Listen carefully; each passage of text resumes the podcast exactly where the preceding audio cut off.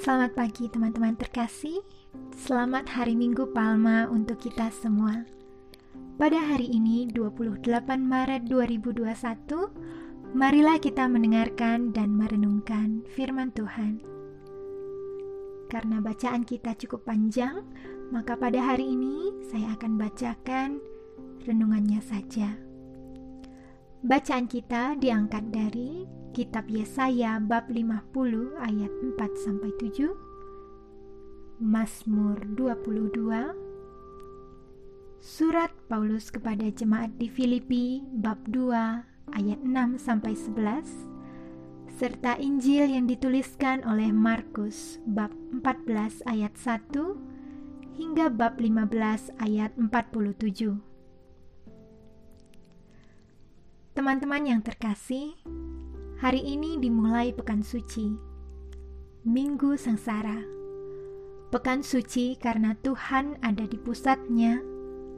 Pekan Sengsara karena kita merenungkan Yesus dengan penuh perasaan dan kaya akan belas kasihan. Rasul Paulus menulis kepada jemaat di Filipi,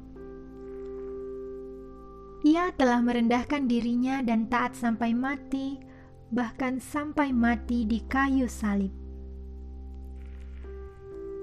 Bagaimana kita bisa tetap netral di hadapan apa yang akan kita lihat dan dengarkan? Sengsara Yesus, seperti halnya kelemahan dan penderitaan manusia, bukanlah pertunjukan yang ditonton dengan tanpa kelekatan emosi sengsara Yesus adalah sengsara kasih yang mengungkapkan dinginnya dan piciknya kita terhadap banyaknya nafsu kecil dan menyimpang yang menggerakkan hati kita. Yesus tidak mengubah kita dengan hukum, tetapi dengan kasih yang besar. Sungguh, Yesus adalah seorang yang perlu kita pertahankan, lindungi, dan cintai. Tidaklah cukup dengan tidak melakukan kejahatan, memiliki tangan yang bersih, dan tidak memutuskan. Kita harus mencintai lelaki ini. Mereka yang tidak memilih cinta akhirnya terlibat dalam kejahatan. Yesus memasuki Yerusalem sebagai seorang raja Orang-orang tampaknya menyadari ini, dan mereka menghamparkan jubah mereka sepanjang jalan seperti kebiasaan di timur. Ranting-ranting hijau yang diambil dari ladang dan tersebar di sepanjang jalan yang dilalui Yesus seperti karpet tambahan.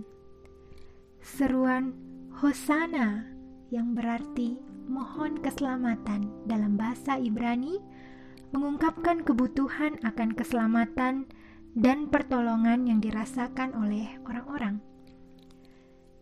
Yesus masuk ke Yerusalem sebagai pribadi yang dapat menarik kita keluar dari perbudakan dan mengizinkan kita untuk mengambil bagian dalam kehidupan yang lebih manusiawi dengan solidaritas yang lebih besar. Tetapi wajahnya bukanlah wajah seseorang yang kuat atau berkuasa itu adalah wajah lelaki yang lemah dan lembut dan rendah hati. Hanya enam hari setelah pintu masuk kemenangan itu, wajahnya akan menjadi wajah yang disalibkan. Paradoks di hari Minggu Palma adalah bahwa hal itu membuat kita bersama-sama menjalani kehidupan melalui kemenangan dan sengsara Yesus.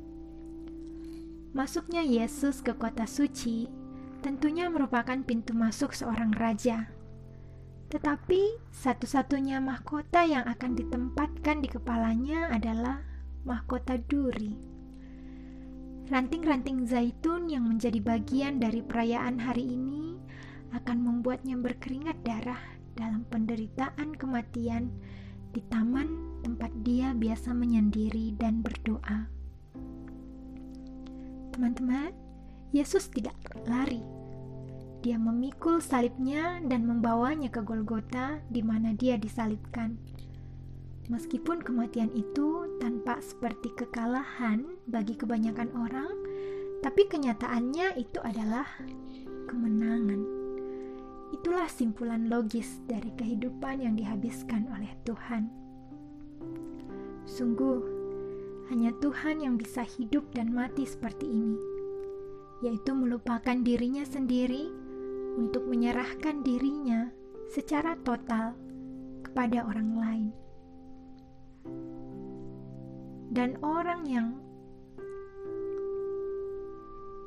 memperhatikan adalah prajurit kaum pagan. Penginjil Markus menulis, Waktu kepala pasukan yang berdiri di hadapan dengan dia melihat matinya demikian, berkatalah ia, Sungguh, orang ini adalah anak Allah. Teman-teman, siapa yang memahami Yesus? Anak-anak. Merekalah yang menyambutnya ketika dia memasuki Yerusalem. Sesungguhnya barang siapa tidak menyambut kerajaan Allah seperti seorang anak kecil, ia tidak akan masuk ke dalamnya, kata Yesus. Inilah yang terjadi pada Petrus. Dia menangis seperti anak kecil ketika dia akhirnya mulai memahami dirinya sendiri. Kita seperti Petrus.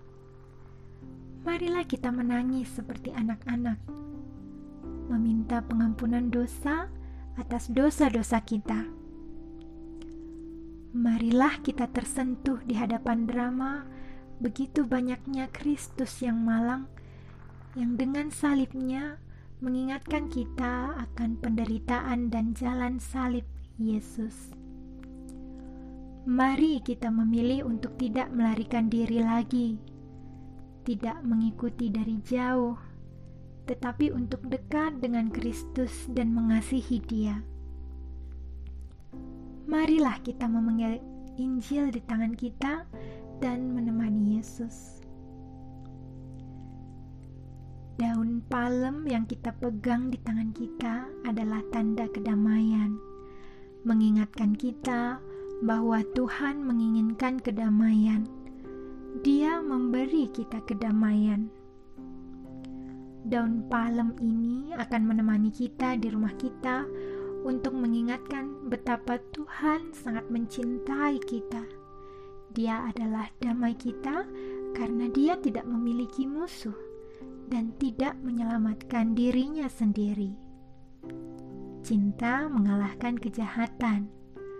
Apakah kita juga ingin mempelajari cinta yang seperti itu? Apakah kita ingin menjadi manusia damai seperti Yesus? Penderitaan adalah jalan sukacita Marilah kita berjalan bersama dengan Yesus, sehingga kita dapat bangkit bersama Dia. Amin.